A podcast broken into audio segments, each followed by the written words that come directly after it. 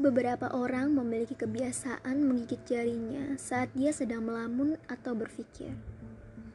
Seperti temanku yang bernama Ardian. Dia sekaku menggigit jari tangan kanannya saat sedang berpikir. Aku pun kadang melakukan hal itu, dan banyak orang lain yang juga melakukannya. Suatu ketika di suatu kafe, aku berkumpul di sana bersama dengan temanku yang lain. Dia bernama Jenny, teman kampusku. Lalu ada temanku yang lain, dia bernama Marvin.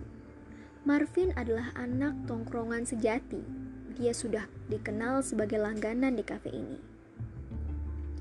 Yang terakhir adalah temanku yang bernama Juno. Dia sering menongkrong di sini, namun tak sesering Marvin. Suatu ketika di kafe itu kita kehabisan obrolan karena sudah lama kita menongkrong di sini. Lalu Marvin pun menawarkan kami untuk bermain catur di sana. Kami pun setuju, dan akhirnya Juno pun meminjam catur di kafe itu. Adin berkata bahwa ia tidak ikut, dia ingin pulang terlebih dahulu. Namun Jenny berkata, Sudahlah, jangan terburu-buru, aku belikan secangkir kopi, kamu mau? Ardian pun menolak, namun ternyata Jenny sudah membelinya terlebih dahulu agar Ardian tetap di sini. Ardian pun berkata, Oke, satu pertandingan saja ya. Lalu Juno berkata, Baiklah, kamu nanti melawan salah satu dari kami yang kalah. Beberapa menit pun berlalu, akhirnya Marvin kalah melawan Juno. Marvin berkata, Kau hanya beruntung, aku sebenarnya sedang menahan buang air dari tadi sehingga tidak bisa fokus. Lalu dia pun langsung menuju toilet setelah menata catur karena itu hukuman bagi yang kalah. Dan akhirnya giliran Ardian bermain catur. Pertandingan mereka cukup sengit. Juno memang suka bermain catur, namun Ardian pun cukup cerdik untuk membaca taktiknya. Jenny pun berkata, Minum kopinya dulu Ardian, kamu terlalu fokus. Dia terlihat serius sembari menggigit kukunya. Lalu minum kopi itu seperempatnya. Terlihat Juno sedang memojokkan Ardian. Dia berkata, Skak, Lalu setelah giliran Ardian, Juno pun berkata skak lagi. Di giliran itu Ardian berpikir sangat lama dan tiba-tiba ekspresinya berubah. Dia seperti tersiksa hingga rubuh menjatuhi papan catur. Juno berkata, Hei, kalau mau kalah jangan acting rubuh di papan dong. Marvin pun menggoyangkan badan Ardian. Hei, hei, stop bercanda. Saat itu aku khawatir karena mencium bau almond lalu mengecek leher Ardian. Ternyata dia sudah meninggal.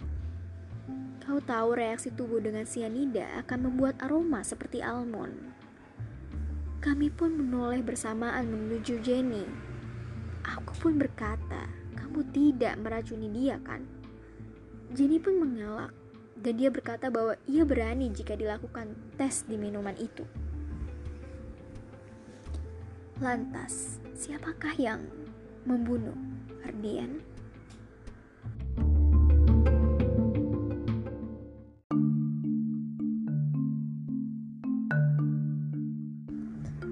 Sebentar lagi akan saya beberkan pelaku pembunuhan tersebut dan cara ia melakukannya.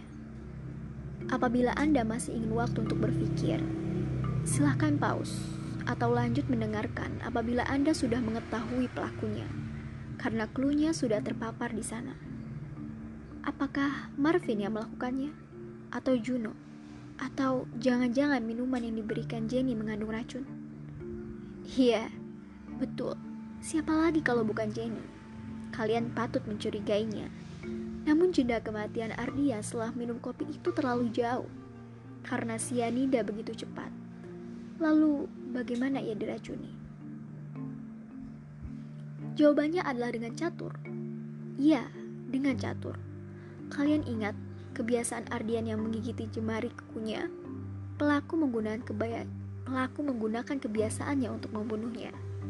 Si pelaku menaruh sianida di bidak catur yang akan digerakkan saat seperlunya saja. Apakah itu?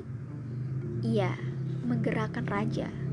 Setelah skak, pasti lawan akan menyentuh bidak catur raja yang sudah diolesi sianida. Setelah skak beruntun, pasti Ardian berpikir dan mulai menggerakkan raja lalu melakukan kebiasaannya. Sekarang, yang paling tertuduh dan berpotensi, kalian sudah pasti mengetahuinya.